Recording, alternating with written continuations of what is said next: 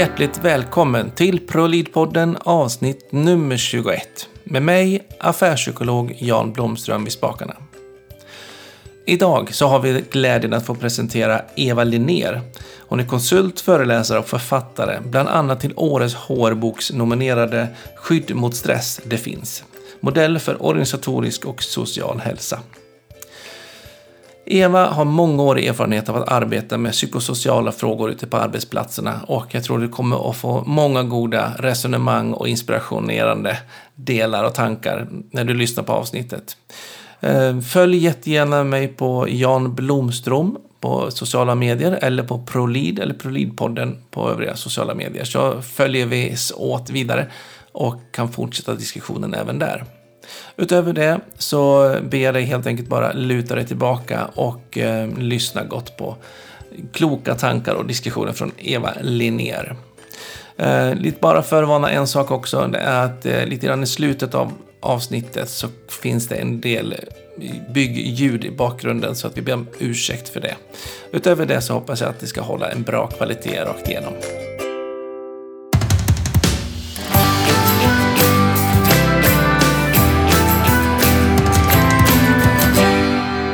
Jag får önska dig, Eva Linnér, hjärtligt välkommen till ProLead-podden. Tack så mycket! Jättekul! Att, ja, verkligen. Att vi fick till det och att vi sitter här nu live framför varandra. Ja, live och live, vi sitter via Skypen, men ändå. Ja, jättekul och spännande. Eh, du jobbar ju som konsult, föreläsare och författare om ett annat. Ja, det gör jag. Berätta lite mer. Vem, vad, vad gör du och vem är du? Och Ja, jag, eh, jag har jobbat med, jag är egentligen jag är socionom från början. Mm. Jag har jobbat i, men i nästan hela mitt arbetsliv med arbetsmiljöfrågor på olika sätt. Ja. Alltså på företagshälsovård och på Arbetsmiljöverket och som egen företagare och så. Mm. Och eh, på senare tid så har jag skrivit en bok om organisatorisk och social arbetsmiljö. Eh, så författare har jag blivit alldeles nyss. Härligt. Som så många andra som drömmer om att bli författare så blir man det när man har lite erfarenhet i kroppen. Ja, precis. Och jag, för min del var det så att jag egentligen för kanske mer än tio år sedan eh, började skriva då jobbade jag på universitetet och eh, hjälpte studenter med deras texter och så. Ja. Och så kände jag att jag ville också skriva. Och då, då, skrev jag på ett mer vetenskapligt sätt. För den boken jag skrivit nu det är mer en handbok. Ja. Och eh, när jag liksom hade fyllt min fil med allt jag ville ha med i boken så stängde jag den och så öppnade jag inte den igen. Då var du färdig liksom med det? Ja, så hade, ville jag inte mer. Men sen, sen när de nya arbetsmiljöreglerna kom om organisatorisk och social arbetsmiljö. Mm. När de presenterades på hösten 2015 så tänkte jag att nej men det här har ju jag skrivit om. Så då plockade jag fram min lilla fil och eh, eh, ja, och istället för att skriva så skalade jag. Skalade och förenklade mm. och förenklade och förenklade. Ja. Och det är ju nästan faktiskt det största jobbet att ta bort alla goda saker. För det är ju det att ja. tvätta, tvätta, tvätta bort så att man har det göttigaste kvar sen. Precis, jag fick verkligen Kill your darlings, fick ett ansikte för mig. Mm. Alla snajdiga formuleringar som man bara fick kasta i papperskorgen.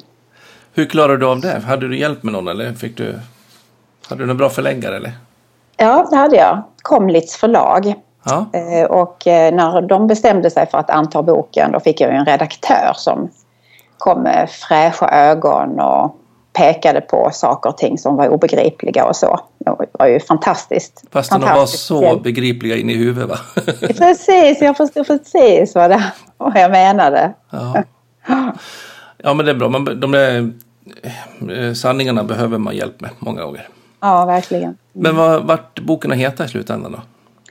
Den heter eh, Skydd mot stress.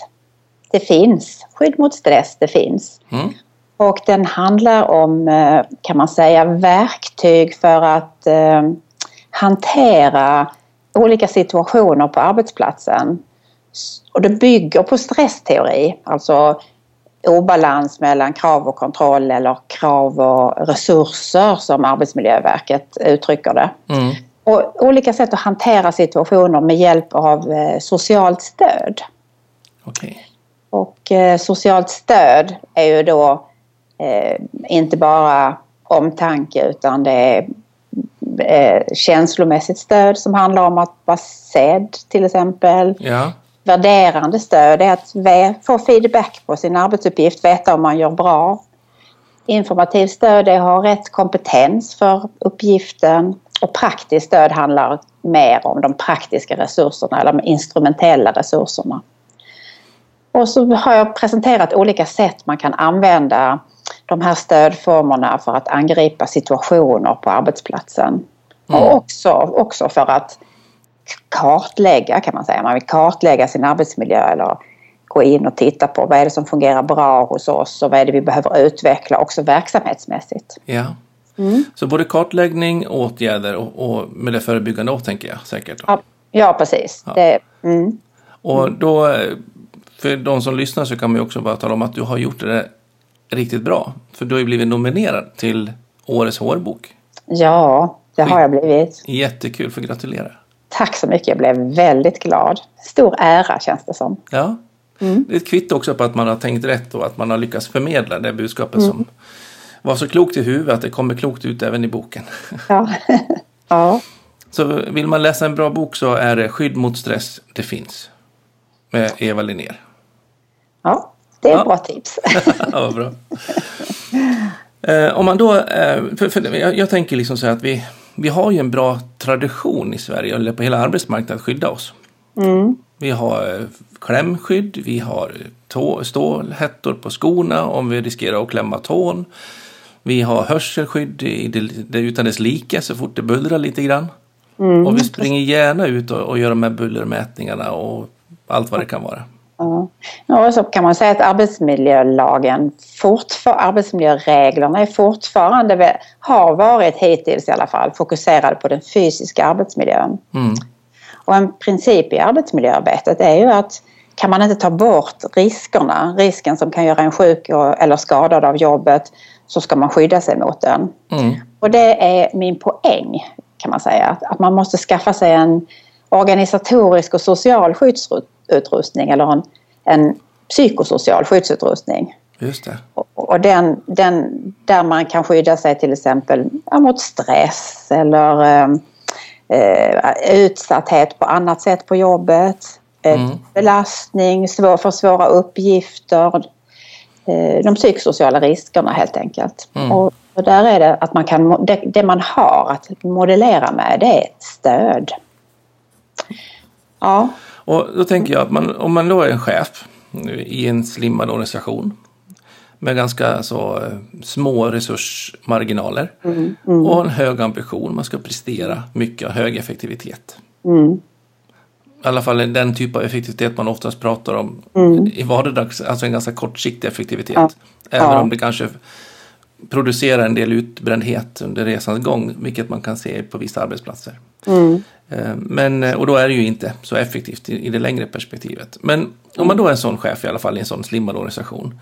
Mm. Vad ska jag liksom tänka på för att liksom eh, vad, vad är det man kan leta efter för risker när man tänker kring det här psykosociala mm. miljön.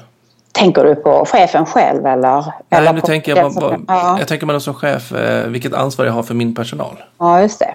Alltså hur, hur ansvaret ser ut för personalen det, det, kan ju se lite olika ut beroende på hur arbetsmiljöuppgifterna är fördelade men de flesta chefer i första linjen har ju ett rejält arbetsmiljöansvar. Mm. Alltså ett, ett ansvar för att eh, undersöka arbetsmiljön och göra åtgärder och ta hand om arbetsmiljöarbetet helt enkelt. Mm. Och det är klart att jag tänker en del av pressen på första linjens chefer är ju att, att, man, att, ha, att ha ett stort ansvar för arbetsmiljöarbetet och kanske inte veta hur ska jag angripa det. Precis. För att jag tänker att, att, att, det är ju lätt, om, framförallt om man är lite ny som chef, att man kanske fastnar i, i att eh, det handlar om buller och det handlar om klämskydd och, och mm. sådana saker. Men, men, hur, ska vi, hur kan de få hjälp till, vad var det de skulle leta efter när det gäller psykosociala mm. faktorerna liksom? Ja, alltså det, ja, egentligen så kan man ju då utgå från, från att, att eh, undersöka om man har rätt stöd för, för det, den arbetsuppgift som man ska utföra. Mm. Och har man liksom, finns det obalans där, ja men då är det i regel en psykosocial risk. Och det, det, ofta kan det ju handla om att medarbetaren, att man har för mycket att göra, att det är liksom för lite resurser och så. Att det handlar ju ofta om det. Mm. Men, men att det handlar också om andra saker för det mesta. Och eh, genom att gå in och titta, hur ser det ut? Vad är det vi redan har och vad är det vi behöver lägga till? Mm. Så um, min erfarenhet är att bara att ha gjort det och få en blick över hur ser det ut för oss skapar någon sorts eh, känsla av kontroll ändå. Och man vet liksom vad ska vi jobba vidare med, vad, är, vad ska vi vara nöjda med och, och så. Så bara att man pratar om det och kategoriserar lite grann och säger att det här ligger vi bra till, det här ligger vi efter med, det här är si eller det är så med. Ja. Så får vi den överblicken som gör att vi kan andas ja. ut lite grann. I alla fall att veta vad man ska fokusera på. Ja. Alltså jag tänker att så är det ju med, med tuffa arbetssituationer att saker och ting tenderar att bli en, en enda härva av problem. Eller hur? Alltså det känns som plötsligt det blir en blandning av oj vi har inte samma um, förhållningssätt till våra brukare. Vi har inte klart för oss målen ordentligt. Och Eh, vi har det skräpigt i vårt personalrum. Alltså så högt och lågt tenderar att bli en enda soppa. Och så summerar man det med att du, det är inget kul längre. Nej, precis. Så kanske inte man inte ens vet att det handlar om personalrum och, och de andra sakerna. Nej, men man börjar sortera lite så, så brukar man ofta hitta, hitta vägar och hitta utgångar och så. Mm. Så jag tänker det här sättet att jobba, ja men dels är det ju för att man som, som chef ska eh, har gjort det man ska göra. Men jag tänker också att eh, alltså det räcker ofta inte som drivkraft utan drivkraften för chefen måste också vara att eh, ja, men det här eh, hjälper mig. Det här hjälper oss att utveckla verksamheten. Mm. Det är ju liksom det behövs både och tänker jag. På vilket sätt då tänker du? Ja, men jag tänker eh, så fort man gör saker bara för att man måste. Alltså nu, jag tänker en ny chef som, mm. som eh, har sitt första chefsjobb och så får de reda på alltså, att nu ska vi, vad ska jag göra, ha medarbetarsamtal, vi ska ha arbetsplatsträffar och vi ska ha lönesamtal och vi ska bla bla bla bla. Ja. Och allting känns, eh, det här är bara några saker, några liksom HR-saker.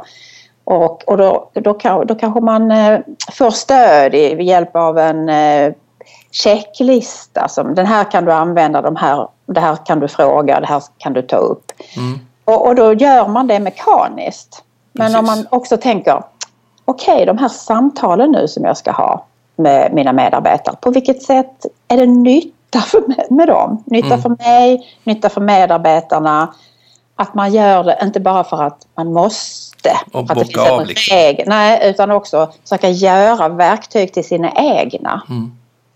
Det här pratar man faktiskt mycket om i Idoljuryn. Ja, kanske det. Jag har inte sett det så mycket. för, för då, då man ska sjunga en, en, låt med någon annan artist, att faktiskt göra den till sin, tänker jag. För det, det kopplingen jag gjorde i alla fall nu. Men att, eh, att det går inte att bara ställa sig upp och sjunga texten. Nej. Nej. Ungefär som att man bara läser en bok. Utan man behöver verkligen göra om den till sitt och, och hitta sitt uttryck. Precis. Och liksom hitta sin, sin rot någonstans till vad jag får energin och meningen och liksom smärtan i, i ja, uttrycket det... på något sätt. Ja, vad, vad bra parallell, absolut. Så mm. det kan man absolut säga så. Och, och, jag tänker lite en annan sak också i det att, att ofta så är det att man, ska, man får en besked att men nu ska vi göra en psykosocial skyddsrond eller att man ska liksom kartlägga hur vi har det och så. Eh, för det har man kanske då fått påtryckning från facken mm. att nu, nu har medlemmarna slagit larm. Att det är stressigt och så. Mm. och sen är man som chef upptagen i att ja, men vi ska ju uppnå målen, vi ska ju göra ännu mer och det finns nya affärsmöjligheter kanske. Och, och ser man inte kopplingen att, till, till bra affär eller bra verksamhet så, Nej, alltså, så blir det också svårt tänker jag. Att man kan jo. se att det här hänger ihop, att det är en viktig del i just utvecklingsdelarna. Mm.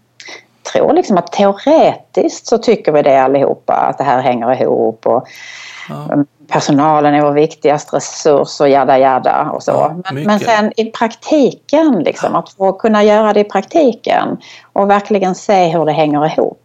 I praktiken tänker mm. jag då att om man ska leva det i praktiken så betyder det att när man har möte med personalen så börjar man inte med att ha en lista på dagordningen med vad jag som chef ska informera om.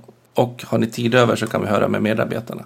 Utan i praktiken, om man tycker medarbetarna är viktiga, mm. då börjar man ju säga hej, har ni koll på vad vi ska tills nästa gång vi ses? Har ni de förutsättningar ni behöver för att göra ert jobb tills nästa gång vi ses? Ja, egentligen. Och, och, ja, och sen har vi tid över då, då kan jag säga, och förresten har jag lite information från HR-avdelningen eller från ekonomiavdelningen eller från ledningsgruppen. Mm.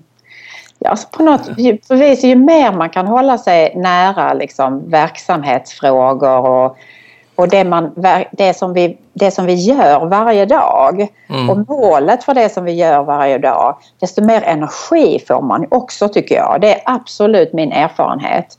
När, när människor får prata om sina, sitt professionella uppdrag och, och hur ska vi göra bättre? Ja, men då skapas det energi och folk lyssnar och ger sig in i det. Men så fort man börjar prata om formella saker, rutiner och regler och processer så blir folk lite trötta. Eller om organisationer. Och, mm. ja, det skapar, ja, så ju mer man kan liksom hålla sig nära uppgiften desto bättre är det ju förstås. Mm.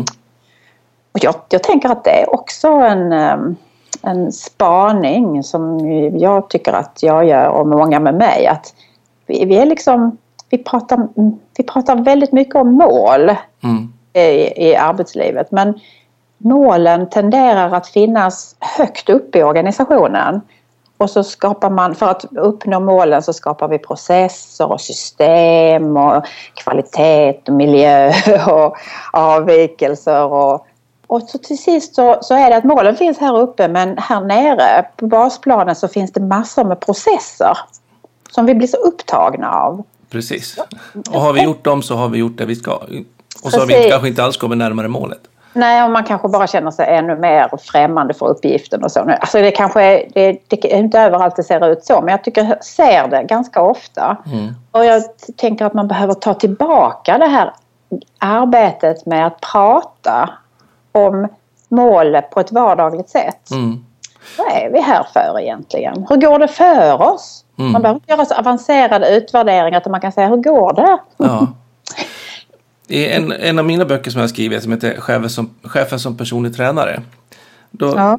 skriver jag mycket just det här med att eh, det handlar om dig och det handlar om mig. Och vad, får vi ihop, vad kan vi, du och jag få till tillsammans?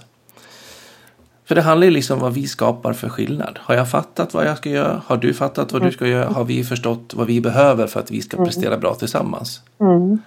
Är vi överens om vart vi ska? Mm. I vilken takt vi ska gå? Ja, och det, egentligen är det precis det som den organisatoriska och sociala arbetsmiljön handlar om. Alltså du ringar ju in det med de här frågorna. Mm. vad är det jag ska göra på jobbet och hur ska jag göra det och vad ska det leda till? Mm. Hur vet jag om det är bra det jag gör? Och vem, hur ska jag göra om jag inte hinner med? Mm. Hur ska jag prioritera? Och det är precis det, det du pratar om, liksom, mm. det här grundläggande. Och det är det man kan tappa bort ibland när man har stora PowerPoint-presentationer med massa olika processer och steg och faser. Och, mm. och så glömmer man av, men varför har vi alla de här som är då mm. ett hjälpmedel till någonting annat? Ja. Och det är väl lite grann som du sa, att man verkligen går in i sig själv och ser, men vad är poängen för mig? Mm. För oss? Ja, precis. Så att vi verkligen bottnar. Ja, ibland känner jag mig som eh, liksom, välkommen till 90-talet. För på något vis så, så känns det som eh, man behöver, jag ska inte vrida tiden tillbaka, men en del av de sakerna vi har pratat om när, man bör, när vi började prata mer om mål och målstyrning och så. Att man behöver kanske ta, hämta andan och, och ta ett steg tillbaka och prata om saker på ett, ett väldigt enkelt sätt. Mm. Ja, det tror jag också. Förenkla. Mm. Mm. Jag har en liten annan fråga. Det är ju när man som ledare eller chef och ledare har en förväntad ambitionsnivå. Eller att man bestämmer att det här är liksom vad vi ska göra på den här arbetsplatsen. Mm. Eh, och så är det medarbetarna inne och jobbar och har kanske en annan ambitionsnivå. Mm. Antingen får man att äh, men det duger att göra så här och så har man inte riktigt hög lika hög ambitionsnivå. Mm. Eller kanske ännu värre när man har en högre ambitionsnivå än vad arbetsgivaren har. Mm. Då går man ju i otakt och blir oftast en jättehög stressfaktor. Mm. mm. Men där brukar jag tänka liksom att, att arbetsgivaren har ju ett tolkningsföreträde. Mm. Absolut, så är men, det. Men hur tänker du och hur ser du och hur brukar du jobba med det? Ja, alltså ja, det, det, här är en jätteviktig fråga. Det här är också en jätteviktig arbetsmiljöfråga. Och eh, jag tänker att är det så att, eh, att medarbetarna inte liksom kan eller har en annan ambitionsnivå som är lägre. Mm. Nu, nu, tänker jag inte, nu pratar jag inte om resurser utan att man har en lägre ambitionsnivå. Då, då är det egentligen samma verktyg man behöver jobba som och som i det motsatta förhållandet. Alltså det här som vi sa förut, vad är det vi ska göra? Det här, det här, jag kanske måste vara noggrannare med arbetsbeskrivningar. Mm. Ehm, det är också en sån här lite gammal sak som vi liksom också behöver ta, ta tillbaka lite nu. Mm. Eh, att det här, det här att man, man gör ett kontrakt, det är mm. det här som ska göras. Ehm, och, jag, och, när det är tvärtom då, så när, när eh, medarbetarna har högre ambitioner än vad de kan orka med och vad de har resurser för, som ju är jättevanligt nu. Mm. Så um, där tror jag att chefens roll är att uh, säga det här räcker. Mm. Alltså, att, att, alltså man, att man inte går med det själv och hela tiden känner sig otillräcklig utan man får budskapet. Ja. Att det här faktiskt, jag ja. får det här stödet i att mm. sätta en gräns. Ja, precis. Ja. Jo, det tror jag. Det, och att eh, jag har en, en god vän som är chef och hon har medarbetare som är väldigt så här, högpresterande. Hon, hon säger att hennes, eh, det, hennes, det som hon säger oftast är ja, men det 80 procent räcker, säger hon. Ja. Det behöver inte vara 80 procent räcker och det för, att liksom, för att de ska själv dra ner eh, ambitionsnivån. Mm. Det är också ett forskningsområde ju faktiskt det här eh, som kallas för samvetsstress. Som handlar precis om det. Okej, okay. att, äh, att, man ska vara ännu bättre? Och... Ja, att, äh, att, man, att man känner att man inte räcker till. Att man ständigt går med det här dåliga samvetet. Att jag räcker inte till, jag gör inte tillräckligt bra, jag har inte sett alla barnen varje dag. Jag har inte visat tillräcklig omsorg och så. För att mm. det är omöjligt. Mm. Och eh, där har, ja, där, AFA till exempel har gjort eh, forskningsprojekt om det där man har tittat på vad, vad, vad kan man göra för att hantera den här samvetsstressen. Mm. Och det de har, ja, skit i det. Men eh, det får du klippa. Ja.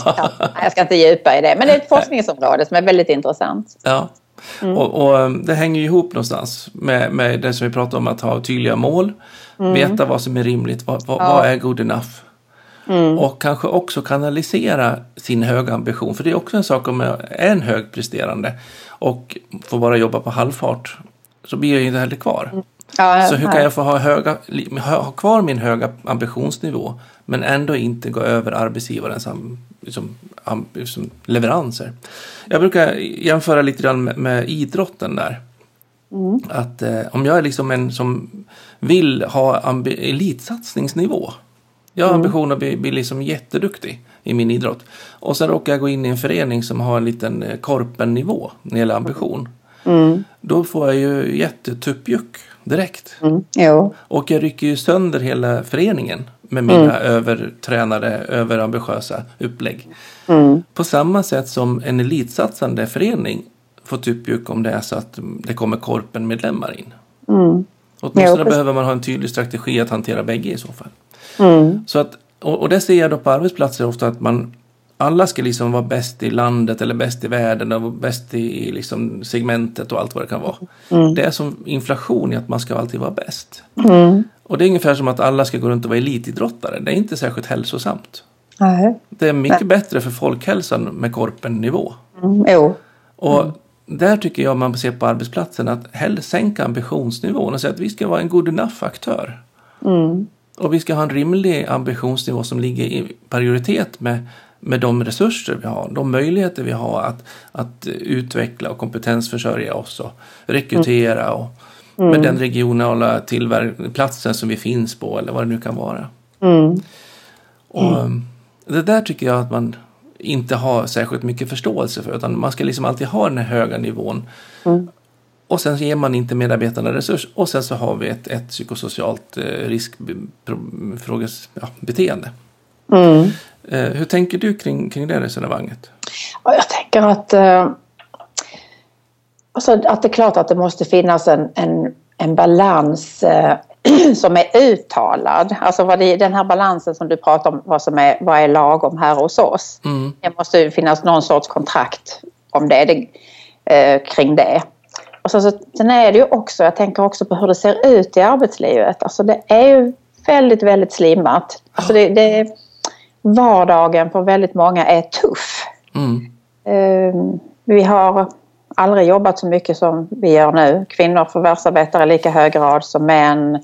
Det är normalt, en normal familj jobbar 80 timmar i veckan. Och det är inte för guldkantens skull utan för det är för att få ihop det med pensionspoäng och så. Mm. Tänker det, är så det är liksom uh, en verklighet som är uh, tuff. Så liksom, eh, å ena sidan så att alla är på jobbet för att de vill göra sitt bästa. Ja, det är ju de allra flesta. Ja, ja precis. Och, och ändå så, um, så, så är, är det är svårt och också att göra det man vill göra för att man har en tuff situation. Mm. Alltså, det, och jag bara, det, är lätt att det är lätt för oss att sitta här och prata. Men stora områden i arbetslivet är ju liksom um, är det trångt på olika sätt. Och det måste man ju som arbetsgivare vara medveten om. På vilket alltså, sätt då tänker du? Ja, jag tänker att um, uh, att vi, jag tänker um, att uh, man kan inte förvänta sig riktigt att, jag menar man, man, man, kan förvänta sig prestationer och så va. Men att man får tänka in det här att det kanske inte ser ut som det gjorde för 20 år sedan ser inte ut som det gjorde för tio år sedan heller riktigt. Nej. Utan den här verkligheten måste man liksom också laborera med. När man, när man sätter de här liksom, eh, volymerna. Mm. Eh, det här gör ju också att många kanske inte orkar riktigt engagera sig som, som man skulle vilja. Nej, precis. Som arbetsgivare. Nej, jag bara liksom ville lyfta det. Jag jobbar med ett eh, globalt företag idag eh, som har ett eh, avdelning på en liten ort eh, där jag är inne och jobbar. Och sen så regleras det i matrisen från USA. Eh, mm. Och sen så har man då synen på vilken typ av kompetens man kan rekrytera mm. från USAs perspektiv. Men där man har en mångmiljonstad och liksom ett urval och universitet på närorten och sånt. Och eh, blir då kanske frustrerad över prestationen i den här lilla avdelningen. Mm. Som finns ute på ett ställe där man får vara glad att det ens är någon som vill bo kvar. Och det här är ju liksom också en utmaning för man kan inte rekrytera bra kvalitet till den typen av region. Mm. Och då, det är ju en sån verklighet man måste väga in i. Mm. Och försöka lobba in att man får en, en gemensam verklighetsbild mm. på, på mm. hur ser förutsättningarna ut för att vi ska jo, prestera. Precis. Ja, precis. För lägger man för fel ambition där så blir det bara en stresspåslag och, och ja. de presterar i vart fall inget bättre av det. Nej, nej precis. Och jag, jag tänker liksom att man behöver gå in i på, på, i, i varje arbetsplats på det här sättet och titta hur ser det ut här hos oss? Mm. Vad har vi för, vilka, hur ser stödet ut hos oss? Och oavsett hur, vilken, vilka människor som arbetar där, hur deras situation är så behöver det här jobbet göras. Mm. Ja. Och det jobbet är ju egentligen mötet och dialogen. Mm, jo, precis. Prata med varandra. Mm. Mm. Ja, spännande. Det är ett jätteviktigt del. Eh, men då tänker jag lite grann, för du pratar ibland om uppmärksamhet och omsorg om de egna medarbetarna. Det ligger ju i det här. Mm. Eh, och idag så ser man ju mer och mer på att man som chef inte är på plats på arbetsplatsen utan man kanske till och med leder med på distans. Mm. Eh, och, och, man förväntar sig i större omfattning att grupperna ska vara mer självgående. Mm. och man kanske till och med jobbar på olika ställen och har en chef i Sverige och sen sitter man spridd runt i landet. Mm. Eh, hur tänker du kring det med uppmärksamhet och omsorg om egna medarbetare när man inte är på samma plats? Nej, Nej jag tänker att um, som chef eh, så har man man kan inte alltid göra det själv. Men man får rigga för det.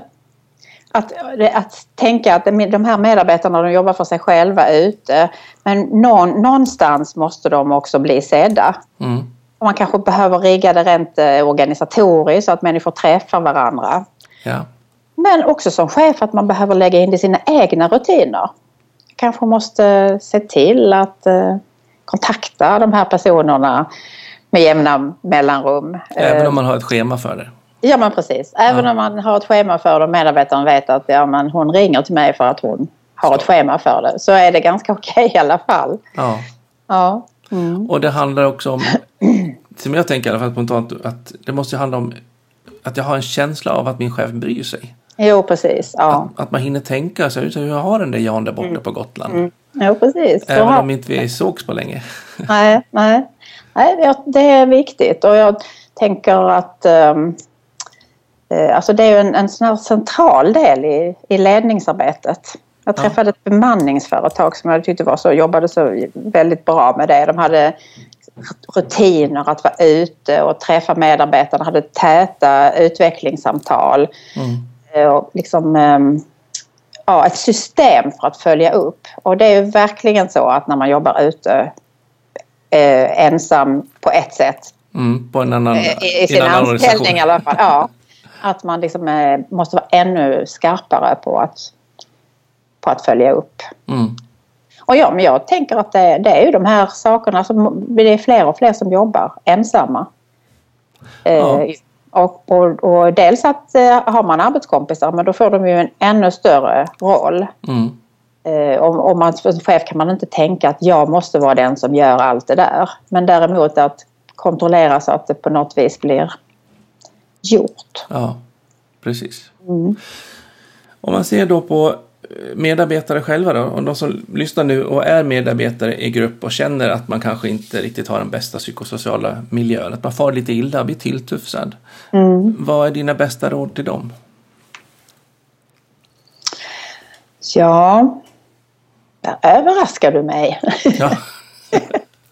Nej, men jag, och jag, jag tänker att eh, som medarbetare har man ju, man har ju rätt att ha, alla, alla har ju rätt att ha en en trygg organisatorisk och social arbetsmiljö. Och det kan vara viktigt att påtala. Ja, absolut. För det är faktiskt en rättighet. Ja, och, och vad gör man om man känner att det är problem? Ja, det första är ju att man ska prata med sin chef om det. Mm. Så är det. Och att eh, och man, får man inte någon... Kommer man ingenstans så kanske man behöver gå ihop och man kanske behöver prata med sitt skyddsombud eller sin fackliga organisation eller så kring det. Mm. Um, det finns ju liksom det här, det här verktyget som jag nu presenterar i boken. Det, det är ju ett verktyg, det finns ju fler. Ja. Som man kan använda liksom. Inte lika det, bra det, dock. Nej, inte lika bra dock. ja. Ja, men det är, väl, det är väl mitt råd. Att man, liksom, man, man har liksom rätt att, eh, att eh, gråta i sin arbetsmiljö. Mm. Titta på den och se vad behöver förbättras och så jag brukar resonera som så att, eh, att, man har, att man har ju suttit på en anställningsintervju allihopa och sagt anställ mig. Jag är den som är bäst av alla som sökt den här tjänsten att eh, verk, uppnå de här verksamhetsmålen och skapa skillnad och jag är liksom duktigast på det här. Och det här resulterar ju i att när jag väl har fått jobbet som jag då har fått som, eftersom jag är medarbetare eh, så är ju min arbetsgivare skyldig att faktiskt prestera så här bra. Mm. Nu är det lite sidoljud här men det får det vara. Mm. mm. eh, och eh, när man sen då eh, behöver gå in då till sin chef och kanske till och med beställa sitt ledarskap. Mm. Så att, vad behöver jag av dig för att jag ska prestera så här bra som jag sa på min anställningsintervju? Mm. mm. Jag behöver mer av det ena och jag behöver mindre av det andra. Mm. Och då blir man ju också tvingas in i den här dialogen om vad är det vi behöver av varandra för att prestera bra. Du tänker att det är ett ansvar att liksom eh, tala om vad man behöver? Ja. ja. Att, att idag i ett modernt medarbetarskap så, mm. så är vi ju varandras arbetsmiljö också. Det är inte chefens ansvar bara. Även om man kanske ja. ytterst kontrollansvarig, liksom övergripande att se till att det blir av, att man håller rätt nivå. Men... Jo. Jo. Om man, liksom, man går tillbaka till liksom rent arbetsmiljölagmässigt så är ju det också en man, man är ju som medarbetare ska man ju medverka i arbetsmiljöarbetet. Ja. Och man ska samverka med sin arbetsgivare och då det är ju ett annat sätt att kanske säga det du säger. Ja, precis. Ja. Mm. Så att man inte bara sätter sig ner. För jag hör ju oftast att många säger att vi ska bli en attraktiv arbetsgivare. Och eh, attraktiv arbetsgivare, ja, lycka till, säger medarbetarna då. Jag kommer inte att hjälpa till med det. Då är det mycket bättre att säga att vi ska vara en attraktiv arbetsplats, för då har vi ju två om saken. Mm. Där vi hjälps åt, ha den här dialogen, samverkan, för att Mm. bidra att skapa en bättre- bättre psykosocial tillvaro, om inte annat. Mm, absolut. Och då är det ju så mycket roligare när man får ett samarbete. Jo, och jag, jag, är, jag, jag tycker min erfarenhet är att människor, människor vill det här. Och får man bara liksom rätta, rätta ingången och rätta möjligheterna att prata om det och hantera det så, så, så går det. Ja, Mm. I alla fall så tänker jag, jag har nästan alltid jobbat mot chefer. Och eh, har liksom, tror inte jag träffat någon som inte, som inte drivs av detta. Att de vill att det ska vara bra. mm. Och, och så gör ju medarbetare också. Det gäller bara att hitta ett sätt att eh, prata om det som inte är för komplicerat. ja. så avdramatisera och göra, för en, göra Ja. enkelt. Göra enkelt. Ja. Och sen också som du säger att man har en bild på, man, alla drivs av att man vill att det ska bli bra. Ja, Men vi har hemskt olika bild på vad bra är och framförallt hur ska vi göra för att det ska bli bra. Mm, Och, och då behövs ju pratet för att få en sam, samsyn på kartan. Ja. ja, så är det. Och, men så sa ju du förut, ja men det är ju en arbetsgivarsak liksom att ange den där nivån och, och så. Ja, Och jag tänker att eh, det här pratet, jo men det är viktigt men, men att man också eh, som arbets, arbetsgivarrepresentant eller som chef att när man tar upp de här frågorna och vill diskutera och vill skapa delaktighet med sina medarbetare så, så är det viktigt med att vara tydlig med nu vill jag prata med er om det här och det är för att jag vill höra vad ni tycker men sen, sen är det ju jag som bestämmer. ja, Eller jag vill prata om det här för att jag vill, eh, jag vill att ni ska känna till det eller ja, vilken, vilken nivå pratar vi om? Hur, vilken nivå av delaktighet eh, eh, handlar det här om? Vad är det, jag, vad är det jag vill och vem är det som ytterst när kommer jag att bestämma och hur mycket Ja. kommer jag bry mig om vad ni har sagt? Liksom. Också- jätteviktiga delar. Ja, det tror jag är trygghetsskapande också. Ja. Mm. Jag, jag brukar prata ofta om att man, man ska inte fråga om förslag, säger till cheferna. För att ger man medarbetarna ett förslag så är det liksom att take it or leave it. Mm. Eh, men ge ett underlag för då kan man klippa och klistra i det vidare. Ja, precis. Ja. Och det är liksom precis samma sak. att man Mm. jag, jag vill lyssna men jag behöver inte alltid göra vad ni säger. Nej, precis. Och det, det tänker jag att... eh, Så när, när man har liksom ansträngt sig för att komma med förslag eller ansträngt sig för att vara med och kartlägga och så och, ingenting händer. Nej, man precis. förstår inte vad blev det av det här Nej. förslaget. Så det har man, enda man har gjort är att man har cementerat det som var, kanske var dåligt. Ja. Och det kommer ju nästan jätte som ett brev på posten när man just pratar om förslag. När man har lämnat, jobbat och lagt ner massa tid för att göra ett förslag. Men då, då tror man ju någonstans att man skulle fått vara med. Mm. Eh, Så att eh, just att man kan, vet man att det är ett underlag då kommer det jobbas vidare med. Och sen också kommunikation tillbaks. Varför valde jag att inte göra som ni sa? Nej, precis. Nej. Nej. Förslag kan man antingen kan man ta det eller så kan man avvisa det eller så kan man utreda vidare. Ja, Alltså man behöver liksom, vart går det här förslaget? ja. Vad händer med tydlig i det? den kommunikationen. Mm. Ja, eh, spännande. Det är ett jätteviktigt område och eh, du sa lite grann med, med, med den här rustningen som du brukar prata om ibland med informativt eh, eller information, info, vad, kallar du det? Repetera I alla fall, ja, eh, känslomässigt stöd, eh, värderande stöd, informativt stöd och praktiskt stöd. Ja, precis. Det är, det är ett sätt att dela upp det och, och jobba med det. Mm. Ja. Och då får man ju den som en, en bra form där man kan ha ett bra möte med delaktighet, komma överens om varför är vi på jobbet, vad, hur ska vi lägga upp det för att vi ska prestera bra och må bra. Mm. Och vad behöver vi för att kunna nå målen?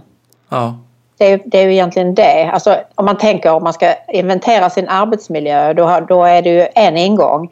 Men det kan också handla om det här, dit ska vi i höst mm. till exempel. Ja. Och vad är det vad behövs då för att vi ska komma dit? Vad är det för mm. olika sorters stöd? Vad behöver vi tillföra? Vad har vi redan? Så man kan säga det på olika sätt. Precis. Mm. Grundbulten nästan i allt vi pratar om det är öppenhet och intresse av att lyssna in ja. på varandra, lyssna på varandra. Mm, absolut. Det, det, det är ju en grundbult, ja absolut. Ja. Mm. Du, eh, jättespännande tycker jag att få mm. höra dina resonemang.